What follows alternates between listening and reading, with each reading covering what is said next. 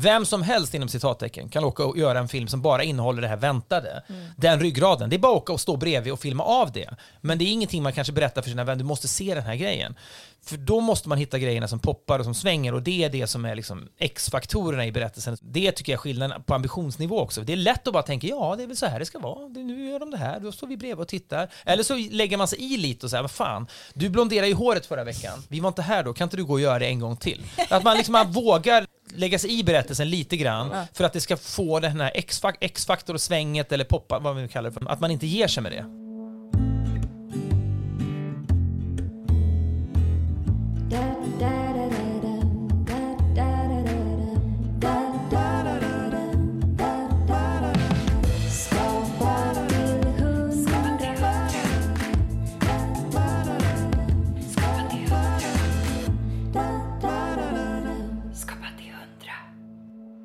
Idag har vi två genier i studion. Det är Fredrik Wikingsson och Karin af Klintberg. Vi pratar om att ha brinnet som bensin. Hur man skapar kreativa team och hur man gör för att få det att svänga. Du lyssnar på Skapa till 100, en podd om kreativitet och skapande. Jag heter Oskar Julin. Och jag heter Maja Sönnerbo. Nu kör vi!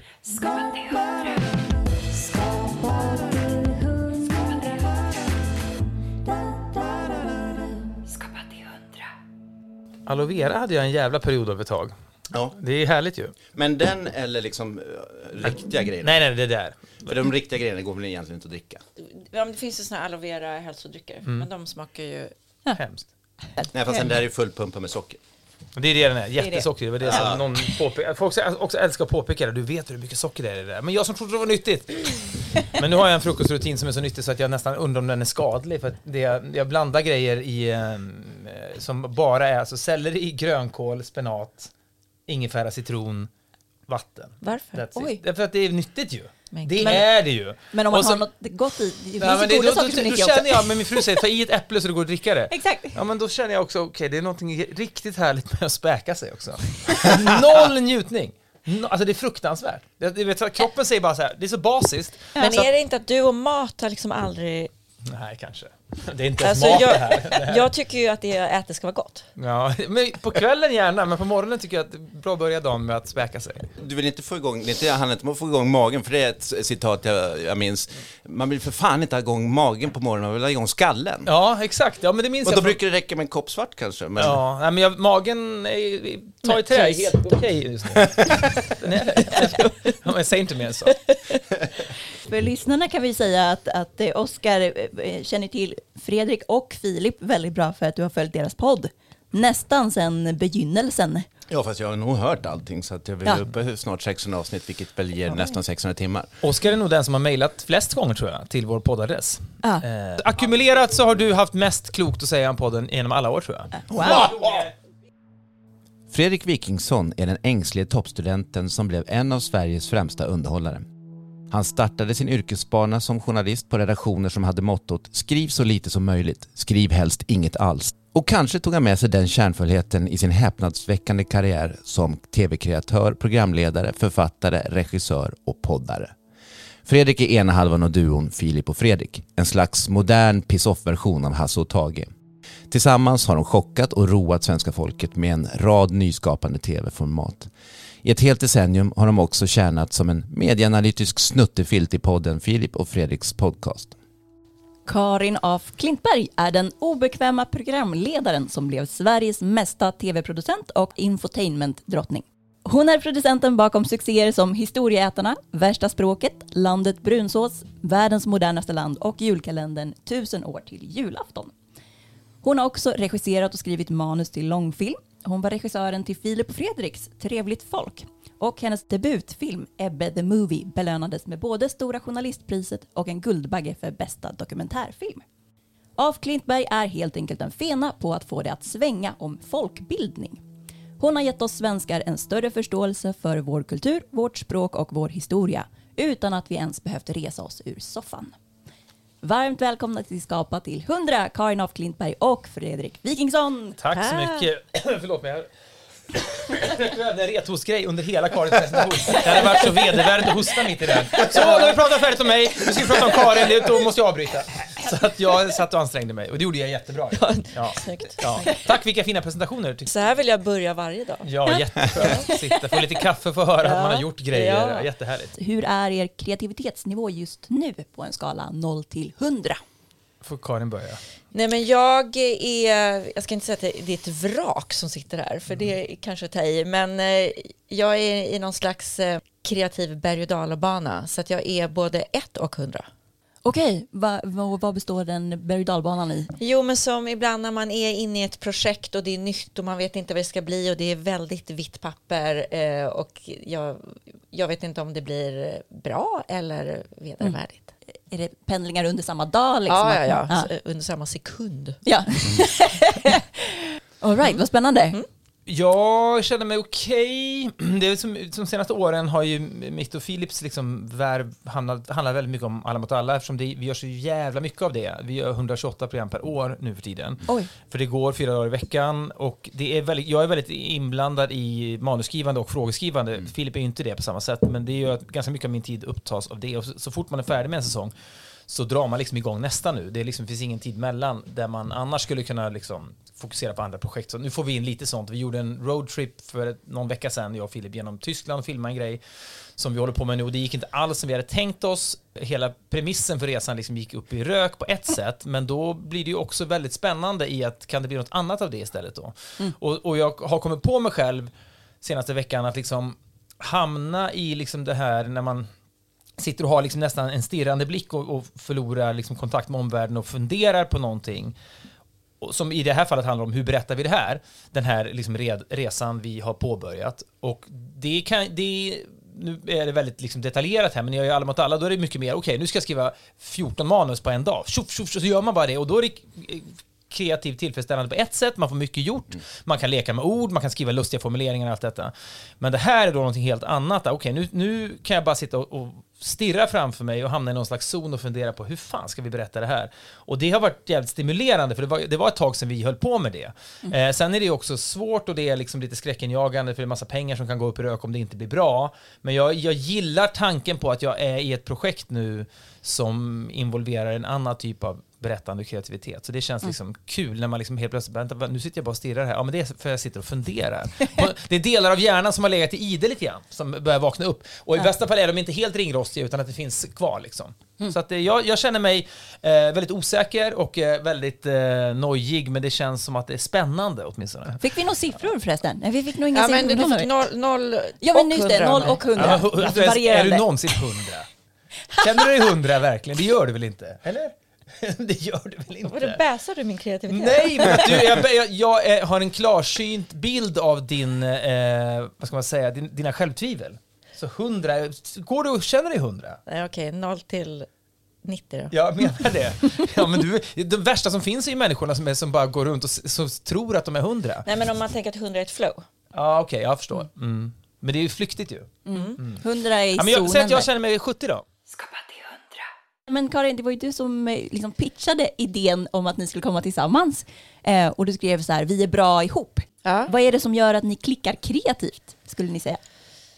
Ja, men det är väldigt lätt att jobba med Fredrik kreativt för att det är en sån kort eh, uppstartssträcka. Fredrik är alltid liksom redo.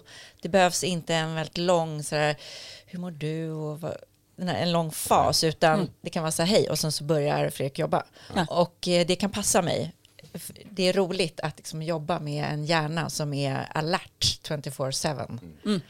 Och sen också en annan grej som där vi är ganska bra ihop, det är också att en av de första gångerna som jag och Fredrik skulle jobba, då skulle vi ta Fredriks bil tidigt på morgonen och bila till Borlänge. Vi känner inte varandra jättebra. Och sen så skriver jag ett sms kanske så här halv sex på morgonen, är du vaken? Och då svarade du lite så här grumpy, jag är den personen som skriver sådana sms. så helt plötsligt så här, Jesus, ja. möttes vi i någon form av redighet. Vi är ganska rediga båda två. Ja. Vi är vana att jobba med fuck-ups. Precis, det är ni som styr upp. eh, Ja, verkligen. Så då är det behagligt att jobba med någon som kommer i tid och då kan, plötsligt kan man fokusera på sitt jobb utan att vara sur på att någon har kommit en timme för sent. Ja, verkligen. Också vissa som är i Karins position, alltså att vara liksom en berättare och en regissör och sådär, de blir ju väldigt lite... Du- alltså, jag har träffat många exempel på människor som då inte bär stativ, om man ska vara rent eh, konkret. Alltså, men de, det gör inte de, utan de gör... Men Karin, för att vara så begåvad historieberättarmässigt, så är hon också extremt hands-on. Att om man är ett litet team som vi nästan alltid är, som i Sverige är man ju typ alltid det, då kan man liksom inte bara ha en person som bara står och tittar på allt och liksom tomstirrar och bara, nej men jag står och tänker. Nej men du kan tänka samtidigt som du bär bort stativet, för annars kommer det här att ta längre tid. Ja. Och att där är hon så jävla prestigelös. ehm, och jag menar, det är inte så att jag bara säger att hon är en stativbärare. Allt det där andra vet alla om att hon är också. Men den aspekten av det, att man är en teamplayer, om man inte är det i Sverige så vill inte jag jobba med de personerna i alla fall. Det går liksom inte. Ehm, men det är ändå lite sällsynt. Och det gör att det blir liksom en ganska så platt hierarki i stämningen liksom på inspelning och sådär. Så det, ehm, det älskar jag. Hur började ert samarbete? Var det trevligt folk så var det... Vi Nej, det var att jag producerade ditt sommarprat. Ja, det var det ju för fan. Mm. Vi, det var det nog ja. Vi har ju känt varandra länge, men så skulle jag sommarprata och det var speciellt för vi, jag ville spela in det på min farmors äldreboende där hon bodde. För att jag ville prata om henne, om, om äldre, gamla människor i stort och sådär. Och då så tänkte jag att det är kul att inte bara sitta i en studio. Det känns lite paralyserande. Så då frågade Karin. Och det gillar man ju också med henne. Hon tyckte fan vad kul. Vissa andra skulle säga, men gud vad bökigt. Hur ska vi göra med ljud? Och hur ska vi, tänk om du vet om någon skrapar med stolar och sånt där. Det här blir ju mer som en liksom, jag ville vara där för att de, det händer ingenting på ett äldreboende. Dels händer det någonting i deras, de här gamlingarnas liv liksom. Dels finns det någonting bara att vara i en miljö. För nio av tio sommarpratare sitter ju på Sveriges Radio liksom. Hur upplevde du det? Nej, men jag upplevde det som egentligen gör allt eh, samarbete med dig, att du är ju i en ständig ja-fas. Och det, där kan jag också lätt befinna mig. Det är roligt. Vad är det? Att man, att man Nej, att det är ganska lite som är problem och eller som är dåligt.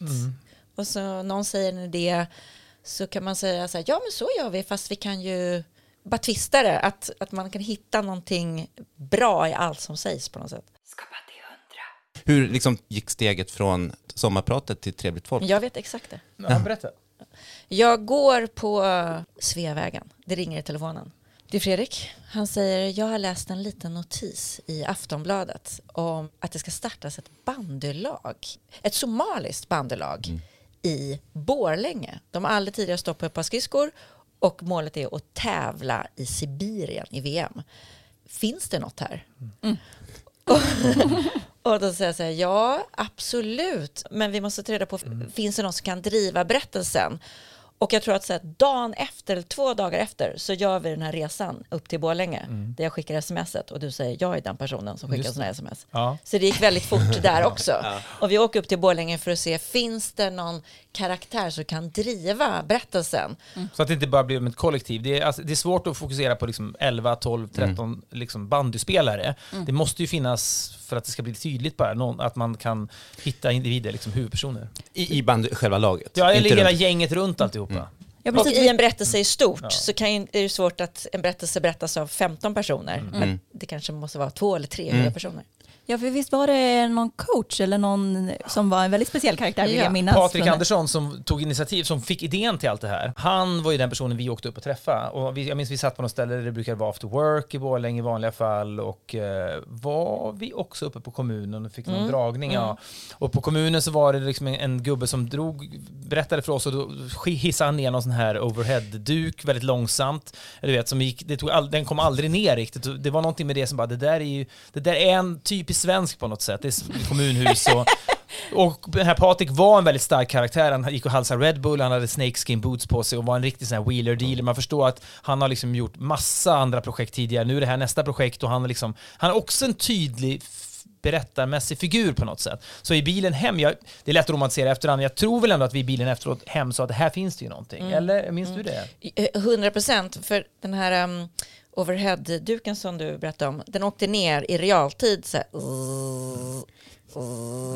och det tog så väldigt lång tid. Och efter det sa jag till dig, där är starten på hela filmen. Ja. Ja men eller hur, det är ju så det är ja. Det och då så åkte vi tillbaka sen och gjorde, för vi hade ju ingen kamera när vi var där och reka. Och så gjorde vi den scenen på En riktigt. till, ja. Men den hände på riktigt. Ja, verkligen. Sen var ju det väldigt mycket kuskande vi höll på ett och ett halvt år typ sammanlagt med den där. Och det var mycket olika bud. Jag och Filip när vi hade varit i VM i Sibirien, kom hem med materialet, då var vi kanske i slutet på januari, början på februari. Då var jag och Filip inne på den ska gå upp på nationaldagen den här filmen, 6 juni, det är då det är Mm. premiär. Och, och Karin bara, men det hinner vi inte. Jo, det måste vi hinna! Du vet, och Filip framför allt kan ju få dille på sånt, det måste gå. Mm. Dels, en film ska ju inte gå på bio 6 juni, det är en dålig idé till att börja med, för det är ingen som går på bio i juni. Eh, men framför allt Karins argument var ju att då blir det inte bra nog, då hinner vi inte berätta det här. Vi bara, hur lång tid kan det ta att klippa hela film?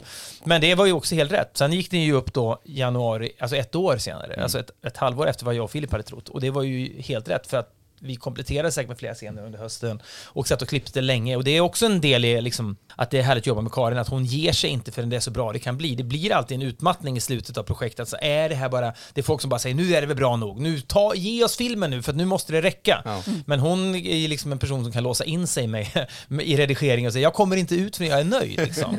och det, är ju, det har säkert en och annan finansiär vrålat om genom åren, men det blir ju, det blir ju bättre av det. Liksom. Vi, ni har ju båda pratat om sväng, har vi noterat när vi har gjort lite research på er. Du Karin brukar ju prata ofta om att det ska svänga. Och du sa i någon intervju att ditt jobb är att få det att svänga tillsammans med Filip. Ja. Vad kan ni beskriva det där svänget? Oavsett vad man berättar, om det är ett nyhetsreportage på tre minuter eller om det är en långfilm på bio, så måste ju berättelsen svänga. Det måste finnas eh, början, mitten, slut. Det måste vara skönt att se och lyssna på det här verket. Och att det finns någon form av melodiös dramaturgi i allt man berättar. Och i vissa berättelser, i vissa berättelser så svänger det faktiskt inte, utan man, man börjar tänka på annat och man tänker så här, det där tror inte jag på. Så att jag tycker att det måste finnas en sväng i det man tittar på eller det man berättar. Ja, precis. Det är ju någon gammal låt som heter It don't mean a thing if it ain't got that swing. Och det är väl applicerat till den, den musiken de håller på med, men det, det är väldigt applicerbart även till berättande ju. Och det, man kan, det finns synonymer till det där också. Det ska svänga, eller så ska det liksom poppa, eller vad man nu vill använda sig av. Om vi kan använda igen då exemplet Trevligt folk, eftersom vi gjorde den ihop. När vi började jobba med den, då förstår man som skapare av den berättelsen ett gäng somaliska unga män går samman och skapar ett bandylag, ska åka till Sibirien och spela och hur ska det gå? Då förstår man både som, som berättare och som nästan mottagare och tittare av en sån berättelse att vissa saker kommer att finnas i den här berättelsen och bör nog finnas, det vill säga en första samling där de samlas, vad ska vi göra ihop? Vi ska spela bandy, vad är bandy ens? Sen blir det en första träning, där kommer de att vara dåliga, de kommer att ramla mycket. Sen kommer ett montage, typ, där de blir bättre och bättre och bättre. Hur ska, tänk om de ändå kommer att lyckas. Sen kommer de att komma till VM, där kommer det förmodligen inte gå jättebra, men någonting måste ändå gå lite bra. Någon slags triumf måste det, annars blir det lite konstigt. Och sen kommer de komma hem och så kommer det vara applåder på torget, för sånt vill man också se och sånt, är det, sånt finns alltid. Det där förstod vi redan, alltså dag ett. Allt det där bör nog finnas för att det ska finnas en ryggrad, man, man förstår vad man tittar på, man känner igen sig.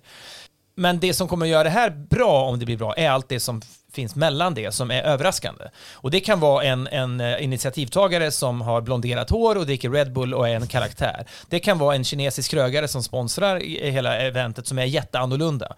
Det kan vara saker som händer i Sibirien som man inte väntar sig. Det var egentligen det vi åkte, vem som helst inom citattecken kan åka och göra en film som bara innehåller det här väntade. Den ryggraden, det är bara att åka och stå bredvid och filma av det. Så kommer man hem med någonting och det kommer vara trevligt att titta på, det kommer vara helt okej, men det är ingenting man kanske berättar för sina vänner, du måste se den här grejen. För då måste man hitta grejerna som poppar och som svänger och det är det som är liksom X-faktorerna i berättelsen som jag ändå tyckte vi hittade och vi grävde ganska ordentligt efter att hitta. Det tycker jag är skillnaden på ambitionsnivå också. Det är lätt att bara tänka ja, det är väl så här det ska vara. Nu gör de det här, då står vi bredvid och tittar. Eller så lägger man sig i lite och säger vad fan, du blonderade ju håret förra veckan. Vi var inte här då, kan inte du gå och göra det en gång till? Att man liksom man vågar lägga sig i berättelsen lite grann Ja. för att det ska få den här X-fak- X-faktor och svänget eller poppa, vad vi nu kallar det för. Det är det som, att man inte ger sig med det.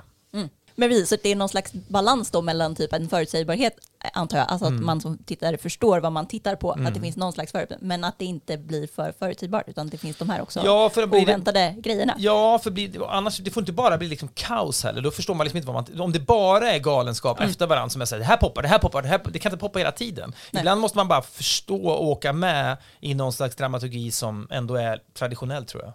Bra, och när det inte svänger, då har man helt enkelt inte lyckats med den där balansen. Nej, och där har man väl hamnat massa gånger, men det är inte... Och det är liksom, man bara känner sig, ja, det här är väl... vissa kallar det för mellanmjölk, liksom så här, men det bara är liksom, det här duger väl, men det är ju, och det är ingenting man behöver skämmas för, men det är ingen som kommer, när man tittar på det här, ringa upp någon eller messa någon eller twittra eller insta Nej. om det här måste ni se. Och det är hela skillnaden ju. Hur föds era tv-program? Oftast är det väl någon person som brinner för något. Mm. Det kan vara ett sakområde, det kan vara ett intresse, men det måste börja med att någon person brinner för något. Så jag har ju fått jättemånga personer som kommer till mig och presenterar saker. Och eh, då är det intressant att lyssna på det där brinnet. Vad, vad det består av, hur djupt det är. Eh, men ibland då så börjar jag också brinna för det och så tar man det därifrån. Men utan brinn, inget projekt skulle jag säga. Just det, för det är där du hittar sen historien. Vad ska vi berätta? Eller? Ja, väldigt ofta så kommer folk till mig med ett ämne och säger så här, ja, jag tänkte vi skulle kunna göra ett tv-program om viner, hundar, eh, odling, eh, lite som värsta språket. Eh, Fast om odling, Ja, förstår. fast, fast som viner eller odling. Men, och då hör jag ett ämne, men jag hör inte vad, vad berättelsen är. Och då gäller det att börja nysta sen. Hur, vad, hur skapar vi en berättelse om viner, odling och hundar? För att ett ämne är väldigt svårt då, att ta sig an och skapa en berättelse kring. Men, men hur var det då när, för nu sa du värsta språket, hur, hur var det, vem, vem kom till vem först? Eh, var det du eller var det Fredrik Lindström? Fredrik Lindström eh, hade idén tillsammans med en kulturchef på SVT att, de, att han ville göra ett språkprogram. Språkprogram hade funnits tidigare på SVT. Fredrik Belfrage med flera, men det, det var aldrig språkprogram med humor, utan det har funnits språkprogram. Eh, Fredrik Lindström hade ju den härliga egenskapen att han var någon form av språkvetare, programledare och komiker i ett.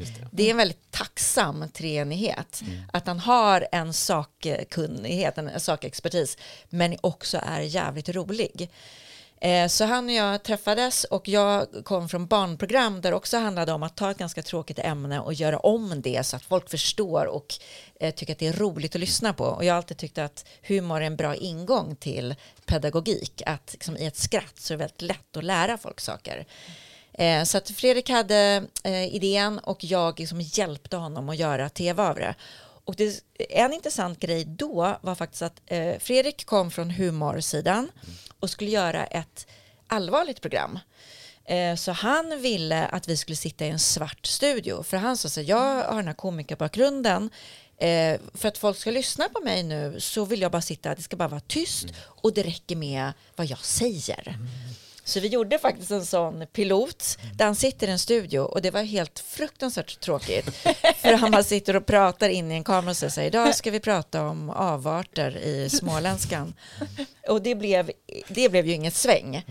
Eh, och då var det ganska kort tid till premiär och då så var jag tvungen att få honom att få idén att vi skulle lämna studion eh, och istället göra ett språkprogram på gator och torg.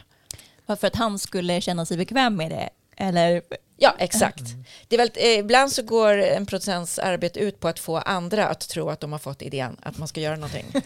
Stämmer myt, eller någon som sa till mig, om det var Anders Helgesson då, som också jobbade med ni träffades via Mm, Deva, att, alltså, på, på tal om så här kreativa happy accidents som man kan välja att snappa upp eller att bara missa, men att, för mig han har sagt att nå- det gjordes någon enkät i programmet om vilket är svenskans vackraste ord, Mm. ombord på typ en tunnelbana eller en buss, och precis när frågan ställs och en person ska svara så säger de i högtalaren på bussen typ nästa midsommarkransen Mm. eller något sånt, och det är ett väldigt vackert ord ju. Och att det blev som ett, stämmer det här eller? Det låter så jävla bra att man, att man oh, där har vi ett svar, det kan gå in, inte, stämmer det? Det, ro, det roliga med att jobba dokumentärt är ju att det går aldrig att tänka ut att verkligheten alltid överträffar dikten. Så att ja, det stämmer och så tycker jag att det är väldigt ofta man jobbar dokumentärt. Man sitter med en pappersprodukt och tänker så här, det här blir bra. Och sen så går man ut och filmar och så är verkligheten alltid ballare än vad jag kunde tänka vid skrivbordet. Vad eh, påverkar er kreativitet? Vet du, jag, jag älskar att prata om det här. Börja, börja, Ja, men alltså, har ni en minut? ja, Ja, oh ja, många minuter. Om jag skulle säga så här, överskriften är på något sätt yttre faktorer, ett, att ta bort den egna fåfängan och rutiner. Om man börjar då från början, yttre faktorer, det är att det som påverkar min kreativitet är ju att städa bort stora delar av livet. Det vill säga städa bort, när ska jag vara hemma, när ska jag hämta på dagis, när ska maten stå på bordet. Eh, Jag måste städa eh, så att det är rent i huvudet. Sen får det jättegärna också vara, faktiskt vara städat hemma. På Det, riktigt. ja, det är jätteskönt att jag vet var är passet, var är min datorsladd. Mm. Om jag vet sådana saker, om det är städat runt omkring mig, då är det mycket lättare för mig att gå in i en kre- kreativitet, Mm. att gå in i ett flow. Så att, att ha det, att lyckas trycka undan verkligheten är en jätteviktig komponent tycker jag för kre- kreativiteten. Och sen att också, det finns också någon fåfänga här, att lyckas trycka undan mig själv är också jätteviktigt. Att jag går upp på morgonen, sätter på mig någon form av, jag ska inte säga mantel eller rustning, men att jag liksom tittar mig i spegeln en gång, ja, det här kan jag leva med. Sen måste jag liksom trycka undan, är jag fin idag, hur ser jag ut? Eh, Så att jag inte blir liksom jag-fokuserad, utan att jag bara kan tänka på det jag jobbar med. Så att liksom få undan någon form av fåfänga eller liksom blick på mig själv, för det är liksom helt underordnat. Och sen någonstans rutiner. Rutiner är jätteviktiga för kreativitet. Du är ju den anale kreatören. Jag är där också. Jag är väldigt lik dig i det där. Medan det finns en myt om kreatörer har stök på skrivbordet.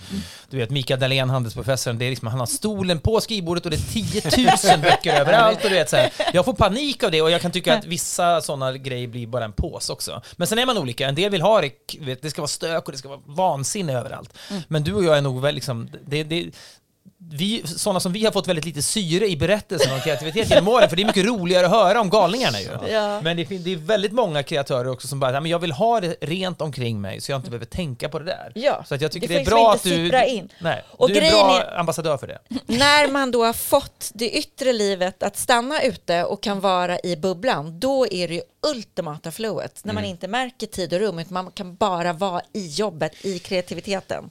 Precis, för det, de kan komma upp som små aviseringar hela tiden. Alla, ah, just det, det där. Exakt. Just det, det där, som äh, är helt utanför bubblan. Ja. Jättejobbigt. Jag Och förstår. lyckas man få det att stanna ute, då tycker jag att jag blir en bättre kreatör. Och i det ultimata flowet, rent flummigt, så kan det kännas som det sitter en redaktion i universum och bara skickar signaler. Och då är det så fint om det inte bryter igenom vad är klockan, eh, hur är det nu, har jag makaroner hemma och hur är det med den där tvätten, ska jag tvätta? Just det. Men, och de här rutinerna, är Ja. det liksom i, i ditt skapande eller är det i runt omkring ett? Ja, men jag tror att rutiner är bra för en skapande. Eh, Jag har jobbat ganska mycket med min eh, kille nu, att- eller så att vi jobbar bredvid varandra. Han jobbar med en pomodoro-metod. Vet ni vad det är? Nej. Nej, men det, den heter pomodoro för att en sån här äggklocka ser oftast ut som en eh, tomat. To- äh, tomat, och en eh, tomat heter pomodoro på italienska. Man sätter den på 25 minuter. Eller man sätter tiden på 25 minuter. Så får man inte jobb, så måste man jobba utan störningsmoment till 25 minuter.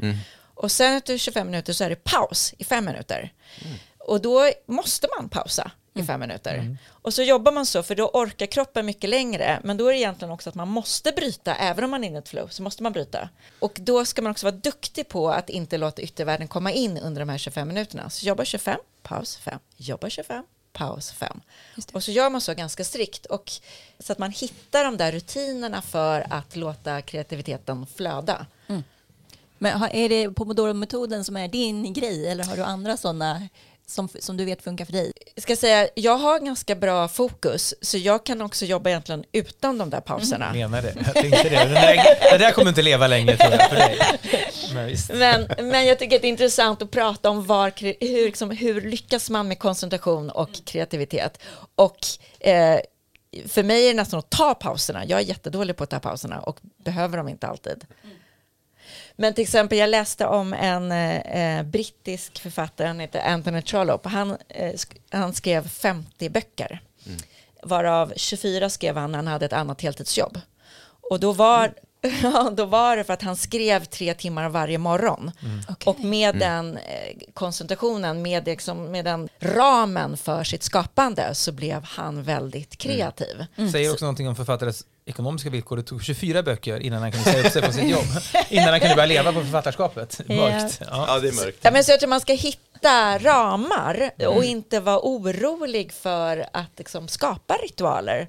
Det må vara analt, men jag tror att det kan vara jättebra för ens kreativitet. Ja, det där måste man prova, pomodoro-metoden. Jag får panik bara av, av, av liksom tanken att så här, när man väl har hittat det och, och så bara gå ur. Men det är ju en övningssak som allt annat.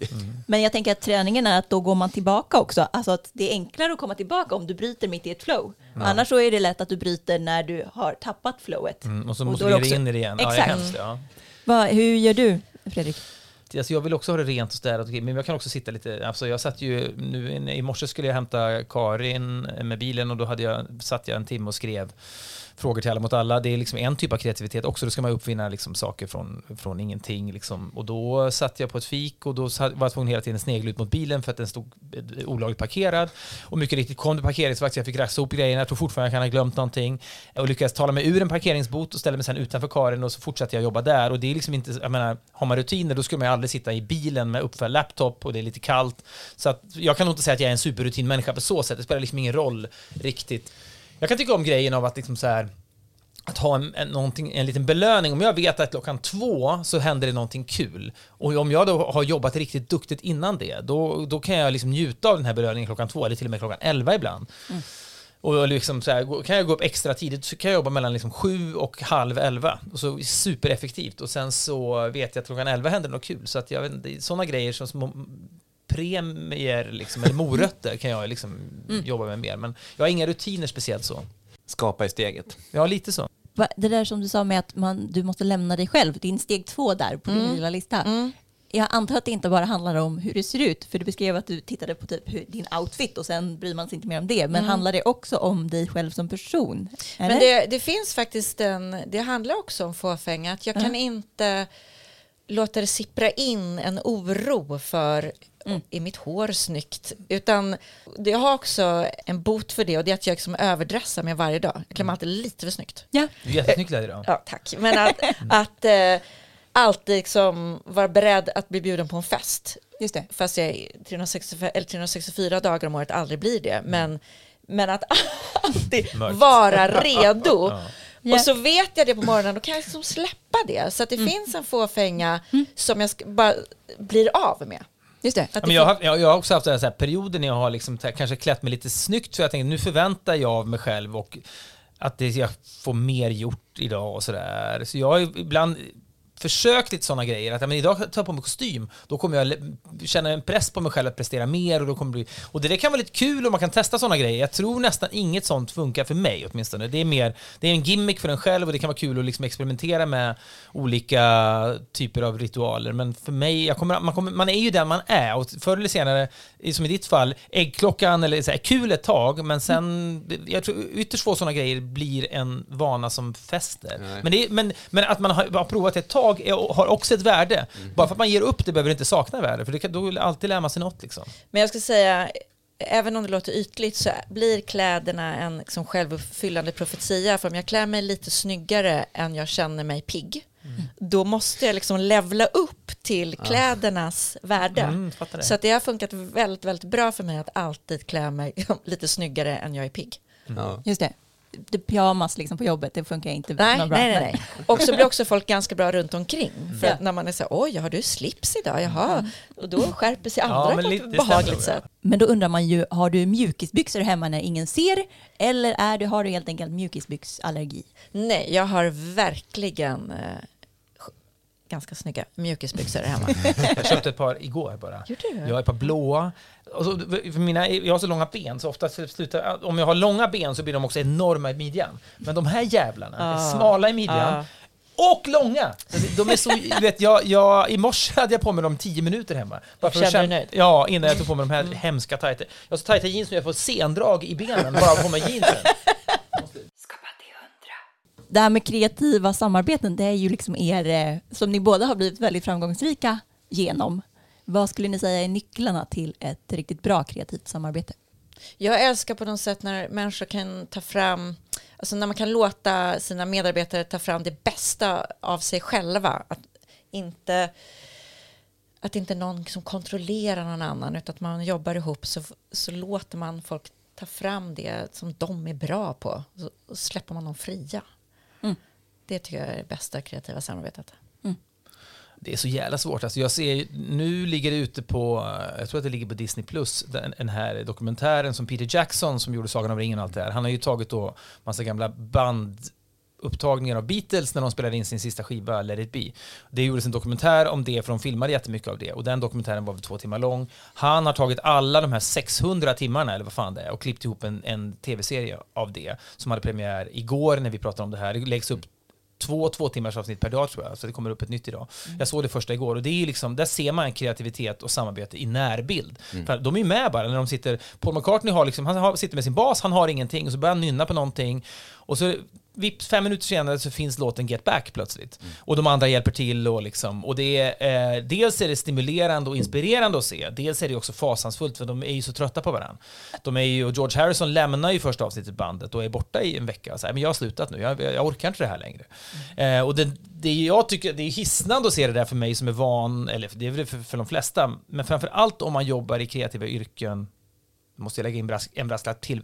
Nästan alla yrken är ju ändå kreativa.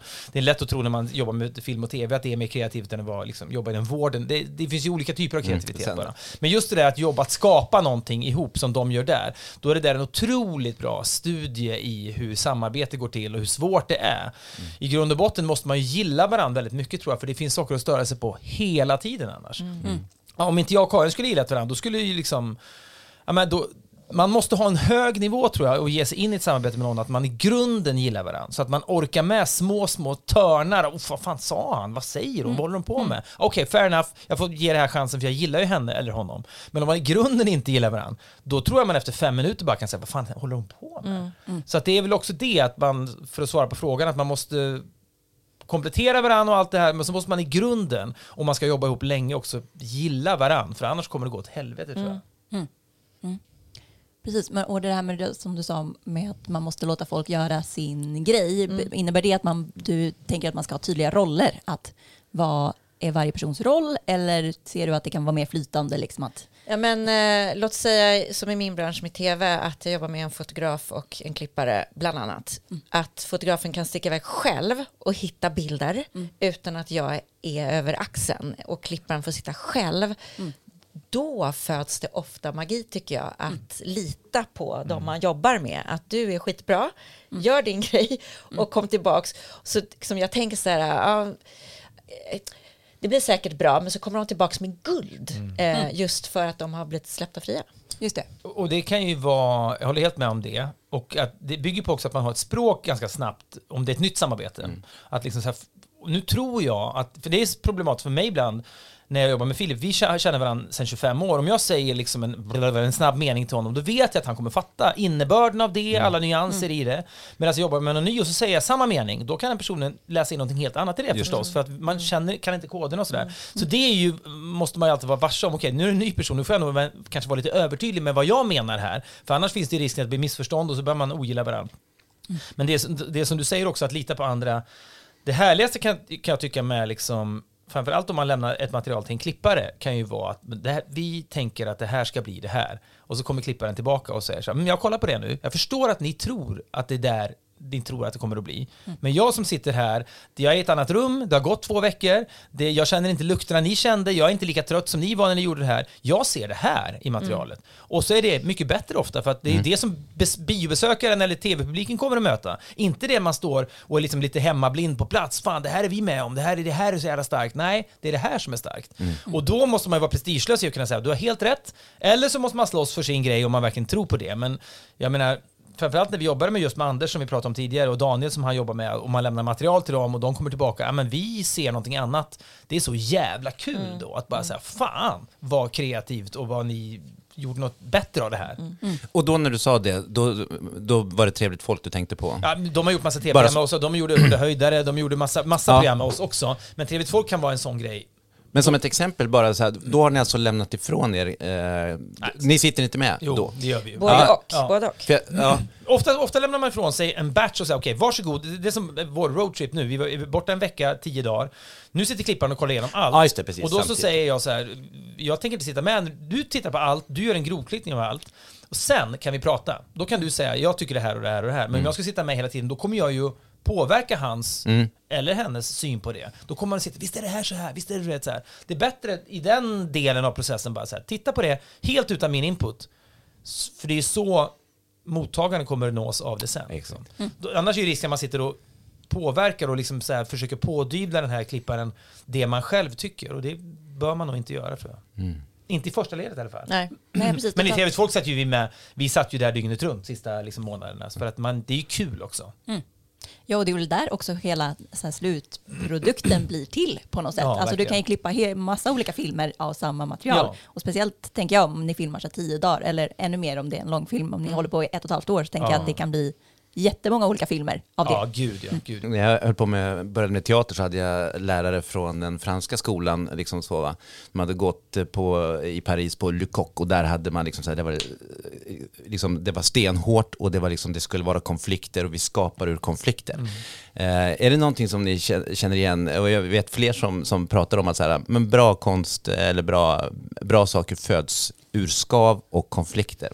Jag håller absolut inte Nej, Jag Ja. tycker att skav och konflikter är jättejobbigt i en kreativ process. Jag är inte så konflikträdd, men det föder inte så mycket roliga idéer. Eh, Enligt mig.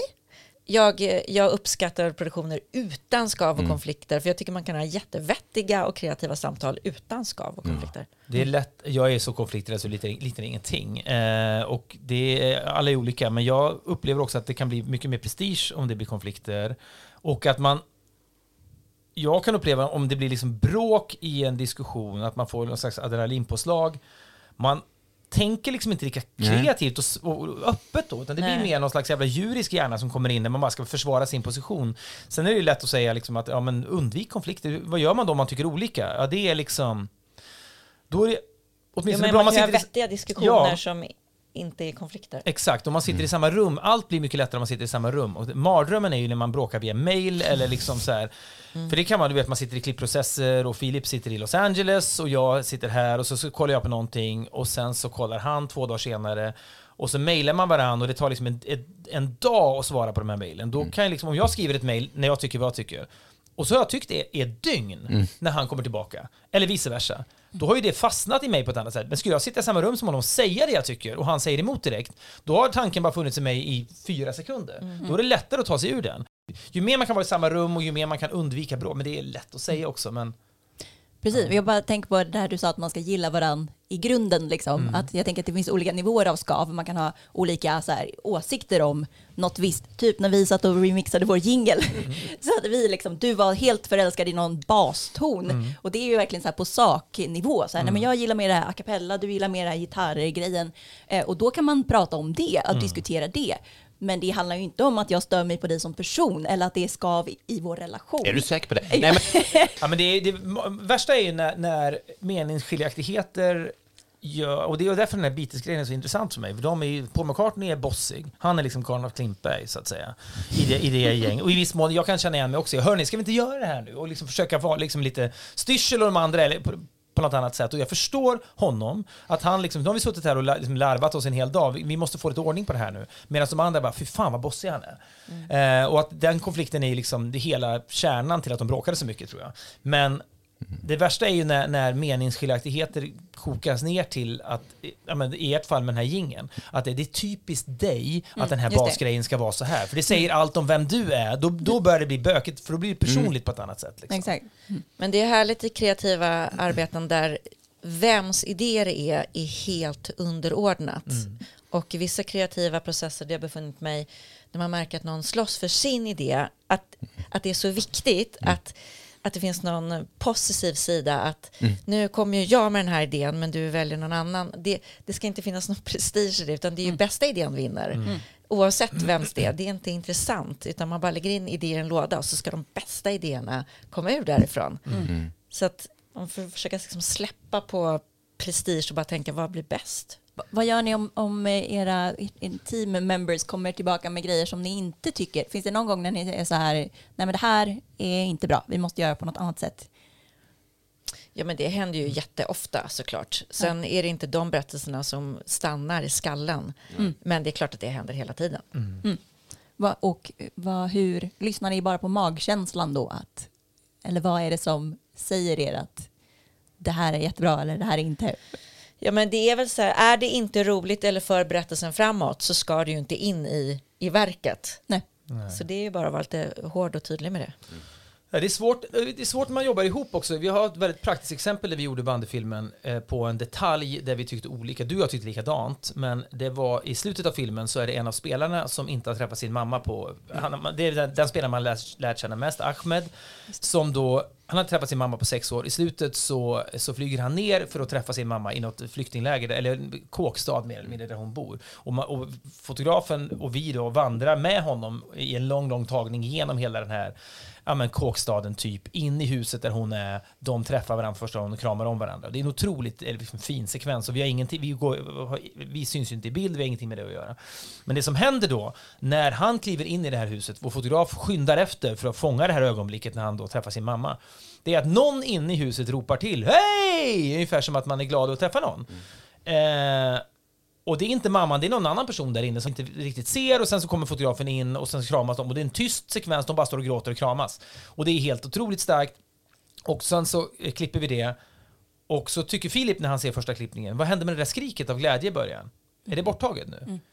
Ja, säger vi, för vi, jag tror inte att det är mamman som skriker det där och det känns mer som, ja, som Anders minns jag sa, det är som att någon har fått bingo, typ så här, hej! Det är, det är glatt och det är, inte, det är inte samma känsla som det är resten av scenen, det är mer, mycket mer rörande det andra. Och det andra är glatt och det är någonting med det som, ja, vi tyckte det blev bättre utan det skriket. Och då sa vi, ja men det, det skriket är det bästa i hela filmen. Och då är, det, då är det ju svårt läge. Minns du det? Ja, men det, det är skitsvårt läge, för vi är tre personer som säger vi tycker det ska bort. För vi tycker att det är skitfint att det är så tyst. Det är bara helt tyst. Och han tycker att det är det bästa i hela filmen. Ja. Och då, det, det är ju, då, till slut fick vi säga, men vi är ju tre som tycker det här. Du är, eller vi behöver inte ens, han fattar ju att det var så. Och han gav sig, och jag säger inte att vi hade rätt och han hade fel, men vi var ju helt övertygade om att vi hade rätt, han var helt övertygad om att han hade rätt. Då är det ju väldigt svårt. När det inte finns något, visst i, ett läge kan man säga, okej, nu får hierarki avgöra. Jag är producent eller regissör. Det är mitt jobb att bestämma det här. Det gick ju inte här, för vi var ju alla likvärdiga ju. Det fanns ingen hierarki där. Då, de stunderna är ju bökiga, när det bara är tycke och smak. Och det är svårt, att- man kan argument, prö, pröva argumentera, men det biter ju inte när det är en sån emotionell pryl man diskuterar. Men då, då kan det vara stökigt. Jag såg dig första gången Karin på någon frukostföreläsning och då minns jag att du berättade om köttsymfonin som ni hade gjort i landet Brunsås tror jag.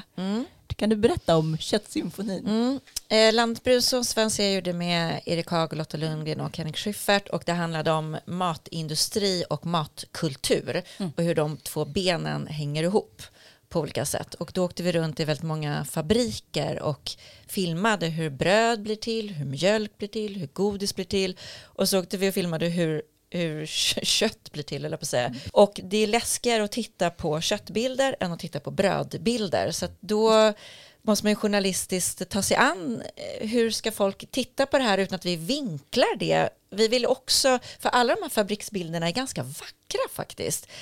Eh, så att då vill vi att man skulle kunna titta på hur en korv, en hotdog blir till utan att bli så liksom färgad av ett ljud. Så att då en jätteduktig klippare som heter Johan Kjellberg, han la på en helt otippad musik på de här eh, korvens resa från en ko till en korv. Och eh, helt plötsligt så blev det bara helt magiskt, det blev som en ballett, det blev väldigt vackra bilder. Överraskade han dig med det eh, i klippningen? Visste du ingenting? Eller hade du, hade du hintat om, välj något kul? Eller hur? Nej, jag, det var sådär, han satt själv en, en dag och jobbade, så kom han in och så bara är det en ballett. Kor, korvar som bara åker. Och det är så vackert, så vackert, så vackert. Och jag älskar att titta på det montaget. För det, är bara, det är bara som en dans. Ja. Men det är ju det vi pratade om tidigare, samarbete. Man inte vet vad man ska få av ett samarbete. Det är ju de, de stunderna är otroliga. Ja. Det här är tio år sedan, du, du minns fortfarande Ja, ja, ja. glädjen när du upptäcker det. Ja, och, och jag kan fortfarande bli lika glad Ja. när jag tänker på den här köttballetten. ja. Ja men precis, och det, jag- för mig att din, din takeaway var att det är så svårt att sälja, pitcha till en kund eller till en beställare att ni kommer få exakt det här. För att man vet inte att det kommer bli en Nej. korvballett liksom Nej. från Exakt, början, det att det är går inte. omöjligt att tänka Mm, ut. mm.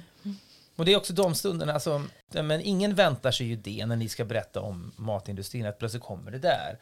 det är, liksom, det vill säga, det, det är, när vi pratar om dramaturgin i, i bandyfilmen exempel, man vet att man kommer få vissa grejer, men det är de grejerna som, in, som ligger mellan dem som man kommer ihåg sen, för att man har en trygg ryggrad.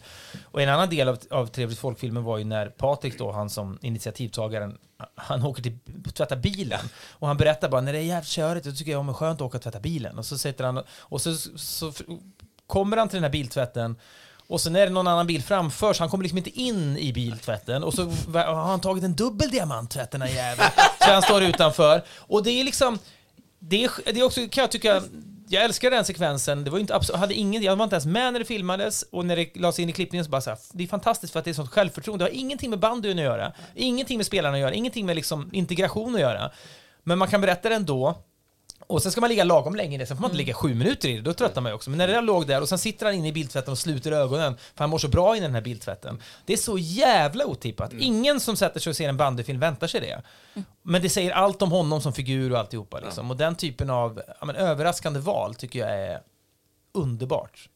När man har varit med och hört en berättelse eller sett ett tv-program eller sett en film eller vad det är så blir det ju liksom en det finns olika variationer av glow efteråt. Hur länge sitter det kvar i huvudet mm. och vilken ackordet man får eller liksom känslan, hur länge sitter det kvar? Och alla grepp man kan ta till för att få det att sitta lite längre. För ofrånkomligen så, ibland kan man liksom gona in sig efter, det, så jag mår nu vill jag må länge, för jag mår bra när jag sett det här eller läst det här. Och så känner man hur det nästan är på väg bort. Det liksom sipprar igen mellan fingrarna på något sätt. Alla grepp man kan använda då för att få den här känslan att stanna kvar längre tycker jag är bra. Liksom. Mm. För sen kommer, sen kommer den egna verkligheten in och så måste man hämta på dagis. Liksom. Just det, men är det kreativitet, bara, ligger den på topp hela tiden? Du har redan varit inne på det, att det går mer i vågor. Är det liksom så, är det vågigt hela tiden eller är ni, är ni, är ni mer jämna i kreativiteten? Nej, men jag, jag tror att det är bra att det går i vågor, för man får inte bli för liksom självgod. Eh, mm. Eh, så att det är bra att hamna också i, i kriser och mm. tycka så här, gud, det jag gör är värdelöst. För när man är i i värdelös skeendet så höjer man faktiskt sig själv och det man jobbar med.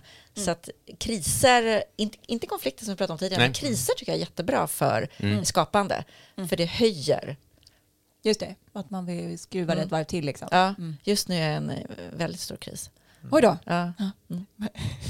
men precis, men håller du på och gör ett nytt tv-program? Är det det som är din kreativa process? Ja. ja. Och du vet inte vad det ska bli? Nej. Nej. Mardröm. det det. Ja, det är mardröm. Det är mardröm. Fast, och du har ju ett så starkt ämne också. Mm. Va, vad handlar det om? Är det... det blev det lättare då när han sa det? ja, jag, jag, kan inte prata om det riktigt än. Nej, nej. Ja. Förlåt, A och B. Alltså, jag vet vad det är för det är ju, vi jobbar ju i samma bolag. Men, mm. men det är... Eh, nej, du, det finns förväntningar på dig. Spännande. Mm. Och den, men den kommer nästa år då kanske, eller längre fram? Mm. mm. Tror du jag, Karin? Nej, jag skojar. Gud vad hemskt. Alltså, jag sitter också i en kris, så att jag, jag menar herregud. Jaså? Nej men jag, det, alltså, som sagt, vi filmade liksom, du har hållit på längre med det du håller på med, men vi var ändå ute och filmade i tio dagar. Ja. Någonting som vi nu inte vet vad det kommer att bli alls. Men det är, också, det är väldigt spännande också, ja. när man är det. Du kan ju också känna det, okej, okay, tänk om jag kan vinkla om det här nu till mm. det blir någonting annat. Den, alltså jag tycker att kreativitet, jag tycker att det är som roligast när det är problemlösning det handlar om. Mm. När man sitter med ett vitt ark papper, då är problemet egentligen inget problem. Det är bara, gör något kreativt. Och mm. det är mm. skitsvårt. Men däremot, okay, nu har vi filmat det här, nu hände det här, nu blev det så här. Hur fan gör vi nu? Jag minns när vi gjorde Trevligt folkfilmen, att vi hade då voice-over i den, vilket alla säger så här, det ska man inte ha, men jag har aldrig mer så här, det är väl inte så farligt att ha det, och vi hade det skitlänge. Filmen var liksom godkänd med voice-over av SF och sådana som så minns jag att vi visade den för massa olika människor vi liksom respekterar och bad om input. Och så minns jag att Henrik fixerade han bara så här, varför har ni voice i den här? Mm. Och ja, och han, han, är alltid på mig och Filip för att vi är journalister. Det här är liksom journalistik, det är inte film. Mm. Liksom, så här, men, och det är liksom lätt för honom att säga. Men visst, ja. Så minns jag att vi hade ett möte på Telma som företaget hette, där vi satt då och så bara så okej. Okay, filmen ska ju liksom vara klar om två dagar och vi har hållit på med det här i ett och ett halvt år. Mm. Måste vi ha voice? Okej, okay, hur många voicer har vi? Så ner med alla på papper. Okej, okay, vi har 13 voicer. De här tre kan vi bara ta bort, de behövs faktiskt inte. Okej, då har vi tio kvar. Om vi ska ta bort dem, hur skulle vi göra då? Okej, men om jag bidrar till Västerås med en bandare och en mikrofon och får lagets tränare att säga det här som om han står bredvid kameran och säger det här, mm. då kan de här två voicerna ryka. Okej, om vi kan få en spelare att säga det där, som om han står off camera och säger det med ryggen mot kameran, då kan vi bli av med den. Kan vi bli av, och så, du vet, då är det som det är, då är det panik, mm. för klockan är 11 på kvällen, ska ja. vi verkligen göra det här? för tänk om det här inte går? Men då är det ju skitspännande också. Då är det, liksom, då är det det är kreativiteten är det som är roligast för mig, för det är liksom lite så här, fan ska vi göra det här?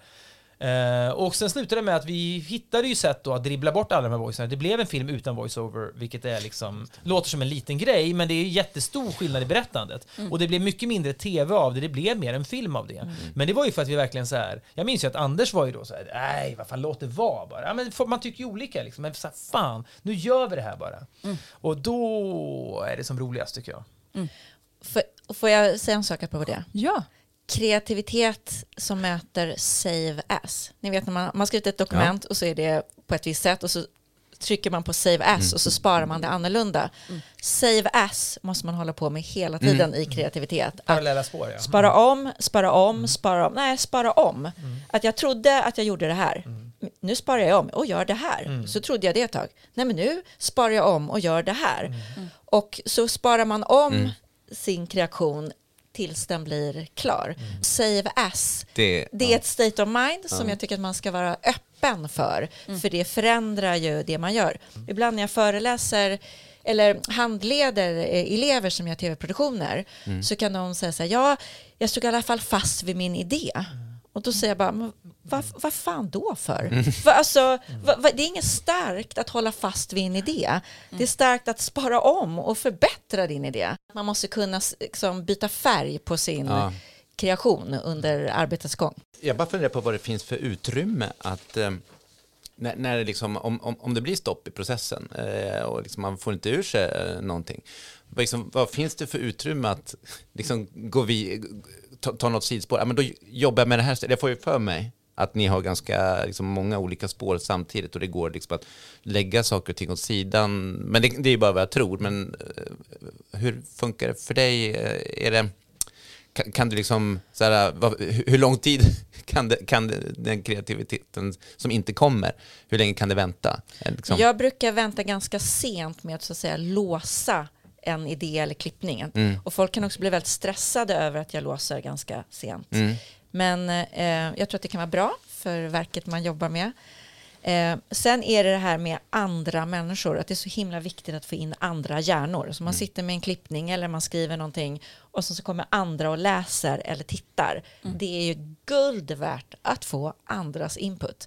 Jag är skitdålig ensam, jag, det är inte min Det är också styrka. hemskt. Alltså, jag- när, man skickar, när man skickar en länk på någonting man har jobbat med länge då, till någon annan, om man skickar det med Trevligt Folk eller när vi gjorde Tårtgeneralen, och liksom, det är så jävla jobbigt för man... eh, Ja, vi hade några testvisningar av Tårtgeneralen där vi höll på att göra ett tv-program samtidigt som heter Breaking News, så jag kunde skylla på att jag måste faktiskt vara i studion och förbereda det här, för det var så. Men jag kunde också lagt de här testvisningarna på andra dagar, men jag valde att lägga dem där för jag pallade inte vara i rummet bara. Men Filip då tog ju på sig det, han gillade det mer också. Men jag har inte sett en film jag har gjort, när den väl har gått upp så skulle jag aldrig gå och sitta och se den med folk. Det, då är det för sent. Då är det bara plågsamt. Men Filip har ju satt på sju premiärer av Tårtgeneralen och glatt i, du vet, och njöt av eventuella applåder och sånt där. Men det, det, det är liksom en svaghet, att jag kan nästan dra mig så mycket att jag ibland inte gör det. För jag står inte ut när, när det ringer, okej nu ringer de. Nu ska den här personen säga vad den personen tycker och så anar man att Fast det... samtidigt vill du ju höra. Ja, jag måste ju höra det. Men det bästa är att få det via någon, jag vet att få det rent, nej, ja, vissa sådana här samtal är ju riktigt jobbiga. ja. Men tycker du inte att det är skillnad? För som du sa, att den här med feedbacken för, för voiceovern, Mm. den kom ju innan ni hade låst det, så då kunde ni ju faktiskt göra någonting åt det. Ja, men, ja, gud, Eh, ja. Jo, men så då vet, är det ju inte lika hemskt, för jag håller helt med om att det är hemskt när allting är publicerat och klart och Ja, man inte Jo, kan är göra någonting. Det, det, jag pratar bara om det som chaufför. Jag tycker bara att jag blir bara rädd. Jag får liksom ett adrenalinpåslag. Nu ringer den här personen och ska berätta för mig. Så får man förstå att en del människor är också skickliga på att säga så här, Gud vad jag älskar det där och det där och det där. Man förstår, mm, men du, du gillar ju inte det här egentligen. Och vad beror det på? Det bara jobbigt att höra. Men man måste ju göra det. Men det, jag, jag mår så dåligt av det så att det är... eh, Får, man det mejlledes så kan man ta det i skvättar. Då kan man läsa första Ja. raderna först, vänta Ja, lite fy och ta det vidare. Ja, Ja, fy fan. Men, eh, ja, men det var ju också, eh, när vi gjorde Tårtgeneralen var det ju mycket sånt och det, det är så mycket pengar in, man får ju ångest av det, att folk har gått in med pengar och jag menar, går det åt pipan så kan det liksom gå åt pipan mycket, mycket värre än med dokumentärer. För att det är så mycket mer pengar på spel. Liksom. Dokumentärer kan också, men dokumentärer sänker liksom inte företag. Men vi hade startat Nexiko ganska nyligen före Tårtgeneralen. Och hade den liksom tankat, då hade vi typ konkat. För att vi hade så mycket pengar själva i det. det då känner, börjar man tänka på att man är arbetsgivare och sånt. Det vill man inte tänka på när man, är, Nej. när man ska vara kreativ. Liksom. Karin, jag hörde dig i någon intervju, något klipp tror jag, eh, om Historieätarna, där Mm. du hade regisserat Erik och Lotta i att de skulle intervjua en expert och du gav uppdrag till Erik och Lotta att Erik skulle gå runt och säga att men gud, det där skulle mina barn kunna ha gjort. Och Lotta skulle låtsas att alla konstverk hon såg var en vagina. Eh, en sån så här, intervjumetod känns väldigt framlekt, alltså istället för uttänkt. Eh, är det så, eller hur föds den typen av idéer? Och, men vet ni, vi hade underbara intervjuer i den här programserien Historieätarna där Erik och Lotta skulle äta historisk mat. Och då träffade de ju massor med experter. Och då för att skapa nerv i väldigt många intervjuer så fick de någon form av parlamentet-uppdrag. När vi är parlamentet så är det så här, prata som Just det, tips från coachen. Ja, precis. Ja. Du vore arg på någon. Eller de får ett uppdrag. Så att i väldigt många intervjuer så fick de varsitt parlamentet-uppdrag. Eh, vi skulle intervjua till exempel författaren Henrik Berggren. Eh, och då så sa jag till Erik, du ska hela tiden tro att det är sångaren Henrik Berggren istället för författaren under hela intervjun. Mm. Och eftersom det är en öppen regi så att intervjupersonen hör så blir ju han eller hon inte arg på Erik och Lotta, programledarna. För det är, ju, det är ju spelreglerna. Så att jag kunde hela tiden säga, du måste under hela tiden Eh, du ska ha, det var jättekonstiga grejer, så här, låtsas, du har ett, bara du hör ett barn ropa under hela intervjun, eh, medan du inte hör det. Och så vet intervjupersonen det, och så ska de ställa sina frågor under det att de måste höra uppdraget. Ja. Och ibland klippte vi bort det, det nådde aldrig tv. Och ibland fanns det kvar, men det blev hela tiden en nerv att ingen riktigt visste vad som skulle ske. Och det var väldigt ofta bra för intervjuerna. Och ingen blev arg för att det var jag som hade gett den här instruktionen. Men den typen av situationer kan ju också bli väldigt döda om man inte hittar på den typen av grejer. För alla vill sköta sig och ställa rimliga frågor.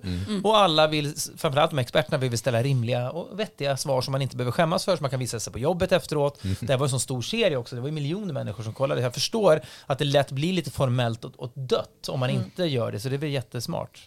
Just Att det. bryta, alltså att skaka om hela tiden. Att okej, det här kan göra, man återkommer alltid till det.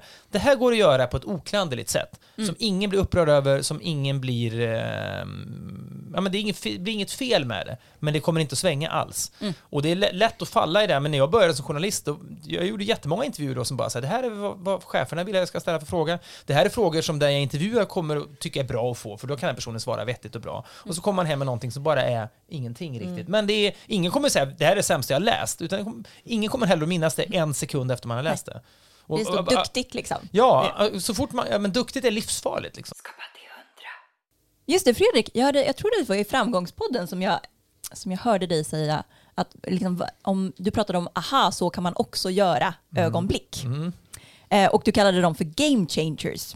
Va, har, du, har du några exempel på vad det har, kan ha varit? Jag har ett bra filmexempel på det som jag ofta, både jag och Filip har sett den här filmen om Jackson Pollock, målaren Ed Harris spelar Jackson Pollock. Jackson Pollock var en väldigt firad modernistisk målare i USA på liksom 30, 40, eller 40 och 50-talet, men vid något tillfälle står han då i, han har väl kommit till någon slags halvkreativ standstill i karriären, det går inte, händer inte så mycket, så står han bara i eh, sin ateljé och sen så har han liksom rört om lite färg med någon pinne och så står han och tittar på väggen där han då ska måla och sen så tittar han ner på golvet i den här pinnen med färg och så droppar det ner på golvet och så rör han pinnen och så blir det liksom dropp, dropp det ett mönster av droppandet. Det är, det är drip painting. Istället för att som målare har gjort i hundratals år, måla på en canvas eller ett, en, ett staffli alltså så att säga vågrätt, så, eller hur fan det, vad det nu är, liksom upp och ner helt enkelt, så bara låter han färgen falla. Och det blir mönster, och det kan också målas så. Och då kommer liksom hans eh, fru eller sambo, eller vad det är, Lee Krasner tror jag han heter, kommer in då i rummet och bara tittar på honom och han märker inte ens henne. Och hon bara “Oh Jackson, you cracked it wide open” för hon förstår direkt vad som håller på att hända. Och sen börjar han vet, stänka med de här liksom, penslarna och allt. Action painting föds där. Liksom. Det har säkert gjorts innan, men för honom föddes det där. Och den typen av ögonblick det är alltid väldigt kul att se. Och man kan intala sig själv på någon slags mikronivå att man, åh, men jag hade nog ett liknande ögonblick. Ja, för att jag uppfann inte action painting, men för mig betyder det någonting när jag börjar tänka sådär. Jag vet inte, Ja. jag har nog inga bra exempel på det vad gäller min egen, min egen kreativitet, för det blir så futtigt ju i jämförelse. Kan liksom så här, jakten på det unika och originella, liksom, eh, om ni nu har någon sån, det kanske är bara jag som tror det, men om ni har någon sån, eh, alltså, kan det hamna i vägen för eh, skapande? Ja, men det, om man skulle hela tiden tänka att allt måste, alltså man ska, om man sitter och lyssnar på det här nu och så tänker man liksom så här, vad sitter den här Fredrik och babblar om? Han, det enda han gör är att han gör frågesport på TV. Så att det, jag, jag sitter ju inte och intalar mig själv att, det, att jag varje kväll uppfinner hjulet kreativitetsmässigt. Det vore ju helt löjligt liksom. Eh, men däremot så kan man jag, när jag sitter och skriver manus till Alla mot alla eller vad det nu är, så kan jag också tänka, okej, okay, så här har jag inte skrivit det här förut. Ingen tittare kommer märka skillnaden, inte ens min redaktion kommer märka skillnaden. Men för mig ger Just det mig någonting. Kom. Nu skriver jag det här på ett, det här sättet. Liksom. Eh, och sen så är jag medveten om att det finns en helt annan liksom, det är helt olika, alltså om man jobbar två år med en film som Trevligt folk, som för människor sen är rolig och härlig i 95 minuter, det är liksom en typ av output. Något annat är att under ett år göra 128 timmars output, mm. som ger folk mycket mer kvantitetsmässigt underhållning. Jag får skitmånga som, ja men alla mot alla räddade min pandemi, jag satt hemma och kollade mm. det, du vet sådär. Ja, det är också någonting. Så med, om man jämför, det, det är alltid så här, Ruben Östlund gör en film vart fjärde år och då är mm. den liksom jättebra och då, då, får folk två timmars riktigt bra underhållning. Men på de fyra åren gör jag då kanske, liksom, kanske 900 timmars underhållning med Alla mot alla plus ja, 200 timmar med podden. Mm. Det är en annan typ av output liksom. Mm. Och, men i, när man gör så mycket som vi gör, då är det svårt att liksom, skriva om boken för det hela. Mm. Det går liksom inte riktigt. Mm. Um, om jag skulle göra en film av fjärde år, då skulle jag fan se till att det fanns lite Jackson Pollock-ögonblick i den. Annars hade jag fan inte gjort mitt jobb tror jag. Precis, men jag, jag köper helt skillnaden på så att, att göra ett format liksom repetitivt till en annan typ av kreativitet än att göra ett helt nytt program. Mm. Men det känns som att dina och Philips program har ju verkligen varit egna. Ja, men man vill åt växelbruket att liksom att, ja. att man, om man, vi hade egentligen inte tid, ingen av oss som gjorde Trevligt Folk hade egentligen tid att göra Trevligt Folk. Mm. För vi hade för mycket annat, men vi, vi ville, vi, det var någon på mitt bolag som bara, varför ska ni göra det? Ni har ju tv måndag till torsdag, ska ni då helgerna upp till Borlänge och filma? Jo, men vi tror att det kan bli bra. Mm. That, det är enda, vi tror inte vi kommer tjäna pengar på det, vi tror inte, det fanns ingenting mer än det kan bli bra, det finns någonting här. Och det, mm. det den dagen man slutar följa den lockelsen, då får man ju lägga ner tror jag. Är det samma för dig Karin? Ja, men det är ju alltid det som är drivkraften. Ibland så får man ju frågan eh, om målgrupper och målgruppstänk. Och jag har väldigt svårt för det, för jag förstår aldrig vad en målgrupp vill ha. Jag tycker det är, jag kan, kan, det är jättekrångligt att försöka sätta upp fingret i luften och liksom försöka anpassa mig. Så jag brukar alltid tänka att, att jag inte vill bry mig om vad tittaren vill ha eller vad kanalen har beställt eller vad som säljer. Jag tar inte del av målgruppsundersökningar eller tittaranalyser jag är inte så intresserad av urvattnade kompromisser och inställsamma lösningar utan jag istället försöker fokusera på vad är det jag själv vill mm. se eller vill berätta. Mm. Och jag tror att det hela tiden handlar om att försöka tänka ut vad tittaren inte visste att den ville ha. Mm. Istället för att ha en målgrupp och försöka skapa något för den målgruppen. Så att hela tiden hitta vad är det som tittarna nu inte vet att de vill ha. Men vad Henry Ford sa, han sa If I had asked people what they wanted they would have answered a faster horse. Just det. Men han tänkte att de kan få en bil istället. Men det visste inte de att de ville ha. Nej. Det, du Nej. är vår tids Henry Ford. Om du fiskar efter vad folk eh, inte vet att de vill ha, vad är det som berättar det för dig? Är det din magkänsla? Om ja, det, det inte är analysen vara, liksom. Ja, det måste vara ett eget brinn och ett eget intresse för det som ska berättas. Mm. Vi som till folk som vi pratat mycket om här var att vi någonstans ville göra en feel film om integration. Mm. Och vi ville ju det. Mm. Eh, och det var också precis, tror jag, som innan som SD blev stora i riksdagen, att det, liksom, det var mm. viktigt för oss. Mm. Så då höll vi på med den här filmen utan att det kanske fanns finansiering från början.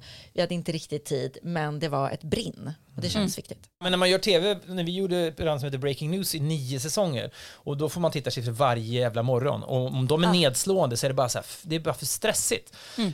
Eh, och nu gör vi Alla mot alla, och det har jag inte fått en tittarsiffra på någonsin, mer än att jag förstår att det går väldigt bra. Och därför så, då säger jag bara så här, kul, men jag vill, jag vill inte höra, men nu har du, vill du inte höra det är bra? Nej, jag vill inte höra när det är bra, för då måste jag höra när det är dåligt också. Ja. Det enda jag måste, om jag ska göra mitt jobb, är att om det är så dåligt att vi måste göra något, att det är kris, så att säga, mm då vill jag ju höra det. Så annars jag, skulle jag vara helt jävla avskärmad. Men om så här, nu är det så dåligt, att om inte det här blir bättre, då lägger vi ner. Ja, men det vill jag inte. Då får vi försöka lösa det på något sätt. Men det är också väldigt svårt, hur löser man det då? Vi gör ju ett så bra program vi kan, och om folk tröttnar på det, ja, då, får de, då får man göra något nytt då i bästa fall. Så att jag, det, jag har inte fått en tittarsiffra på åtta år kanske. Men det är bara för att jag också delvis är ett barn som inte orkar. Liksom. Man, man får välja vissa grejer. Liksom. Ja. Att varje dag börja med ett, någon slags kvitto på hur bra man är, typ. Om man nu väljer att tycka att tittarsiffror är det. Det kan ju vara krocka med en landskamp och då är det inte ens eget fel inom citattecken. Men jag, jag behöver inte det i mitt liv. När har det gått åt helvete?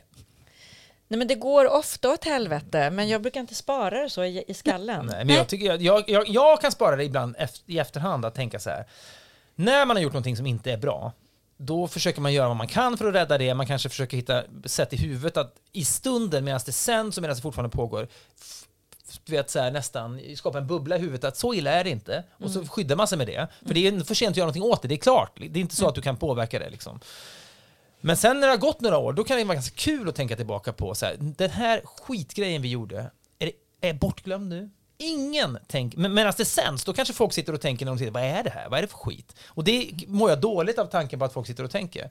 Men om någonting har gått några år så tänker jag, idag tänker ingen på det där programmet. Vi gjorde ett program som heter Hissen, där vi liksom låtsades att vi var instängda i en hiss med några kända personer. Vad skulle, hur skulle samtalet bli då? Det var egentligen som en intervjupodd fast i tv-form. Stod ju still ofta och det blev liksom inte katastrof, men det blev inget bra heller. Liksom. Och det var lite så här jobbigt när det sändes, som man tänkte, så här, ännu någon jävla kändisrunk-intervju. Liksom.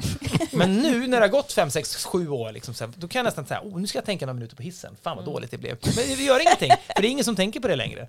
Det Dessutom så, eftersom att ni har eh, poddkonceptet så innebär ju det att det här blir ju jäkligt bra innehåll. Det Ja, är det ju kan- jätteroligt att lyssna på ja, när ni gottar er i... Det är härligt tycker jag alltid att höra folk som, eh, som är öppna med sina liksom, Ja. misslyckanden. Såg David, eller det är inget misslyckande, men David Dencik är ju med i nya Bondfilmen. Så satt han i Nyhetsmorgon för några veckor sedan och så frågade han, men nu måste ju, hur är det nu? Nu kommer det mycket, ringer Hollywood nu eller? Nej, ingenting. Det går jättedåligt för mig. Det- Jag är helt arbetslös och du vet, då älskar man ju honom. Däremot när folk sitter då på någon slags framgångspodd och man är, ja, men nu är det jävla mycket agenterna du vet, rycker i mig och så här. det, Man hatar ju den typen av människor. Så att, jag menar, att blotta strupen på det sättet är ju vägvinnande.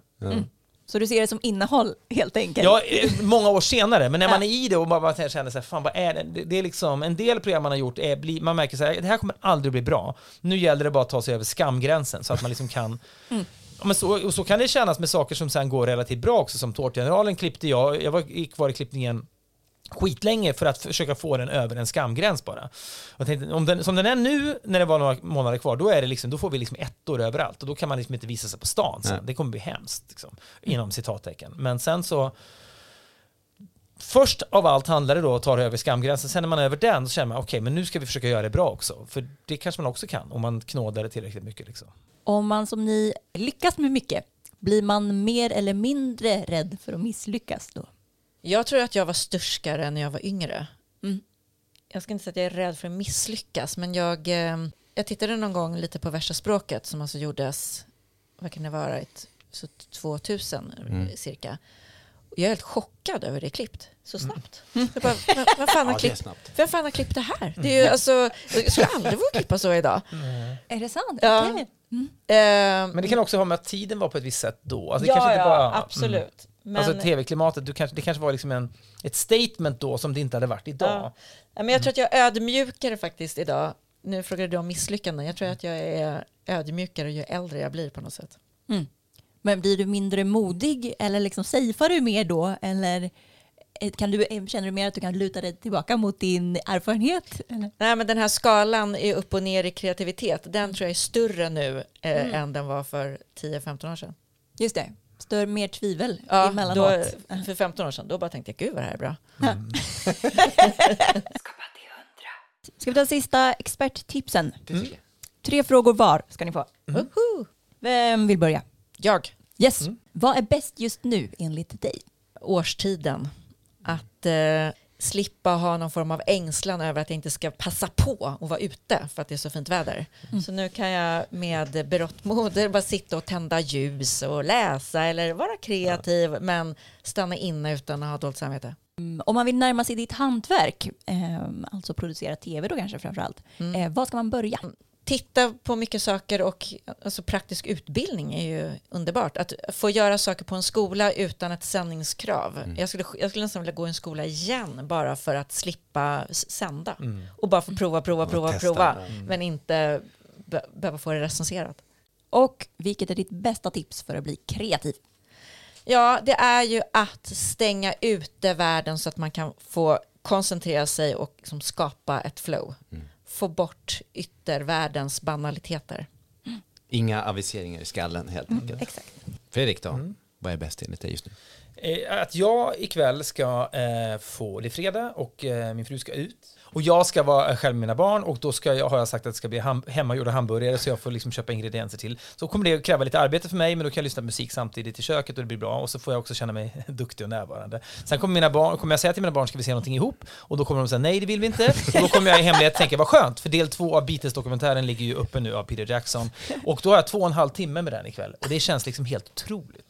Det känns helt otroligt. Och jag är inte dålig pappa för mina barn vill inte vara med. De vill sitta i ett annat rum och kolla på sitt jävla YouTube-skit och då får de det. Det är bäst just nu. Ja, vad säger du då, om man vill närma sig ditt hantverk? Var ska man börja?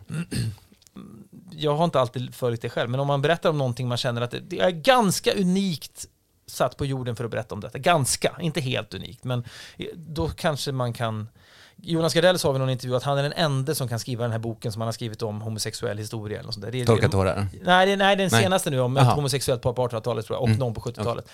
Han är ju inte, det är magstarkt att säga att han är den enda som kan säga, men han är säkert unikt liksom satt på jorden för att berätta den historien. Mm. Och så kan det inte vara för alla, men om man, om man är liksom, inte vet jag, 14-årig ornitolog i Umeå, då kanske man kan berätta någonting om det som ingen annan vet åtminstone. Men så gäller det att hitta någonting i det som också är ganska universellt då. Men jag försöker bottna i det bara.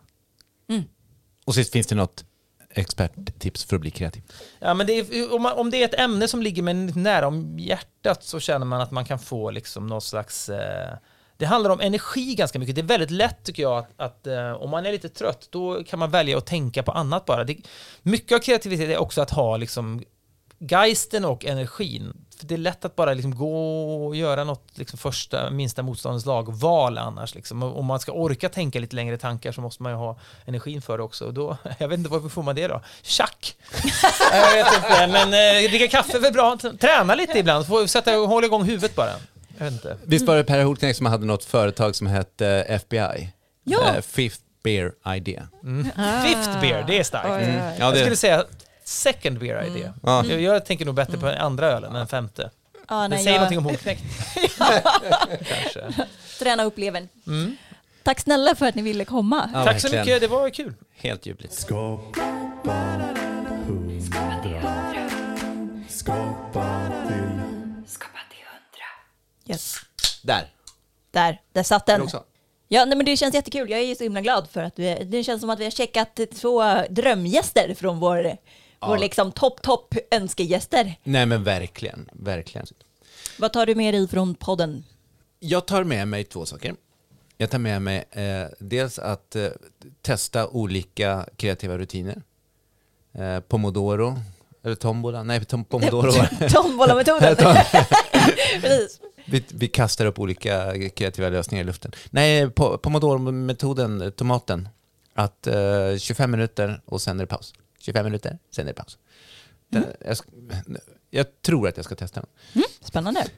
Eh, och sen tar jag med mig Fredriks, att skapa i steget. För det Ja. är jag också förtjust i. Ja, men det är det, precis. Ja, ni känns väldigt eh, lika där. Ja. Eller på något sätt. Ja, kanske. Samma grej. Okej, nu är jag här och nu har jag tid. Då kör vi det. Just det, det behöver inte vara mer speciellt än så. Nej, precis. det behöver inte vara svårare. Vad tar du med dig? Nej, men jag tror me- mest faktiskt att jag tar med mig det här med att eh, lyssna på sin egen magkänsla av att så här, ty- tycker jag, tycker jag att det här är bra? Brinner jag för det här? För jag har nog funderat väldigt mycket på det. Men det känns, man blir stärkt i att höra andra kreatörer som bevisligen har lyckats väldigt bra med sina olika grejer. Att så här, eh, nej det handlar inte om att tänka ut vad exakt den här målgruppen vill ha för någonting, Nej. utan att typ gå på sin egen övertygelse om att jag känner att det här är bra, jag brinner för det här, det är det här jag vill göra, eller vi brinner för det här. Alltså, det behöver inte vara att man, det är bara man själv, men liksom Mm, jag tror att det är svinviktigt. Också för att typ orka med bara. Alltså, Mm. för om man ska sitta till mitt i natten och, så måste man ju tycka att det här är fan viktigt och Mm. det här är, är bra och det här är någonting som jag tror på. Mm. Och då, känns då känner jag mig väldigt stärkt av det här samtalet. Att så här, om de gör så, då, tänkte jag, då tänker jag också fortsätta med det. Absolut. Ja, men jag, jag håller med. Den är skitbra.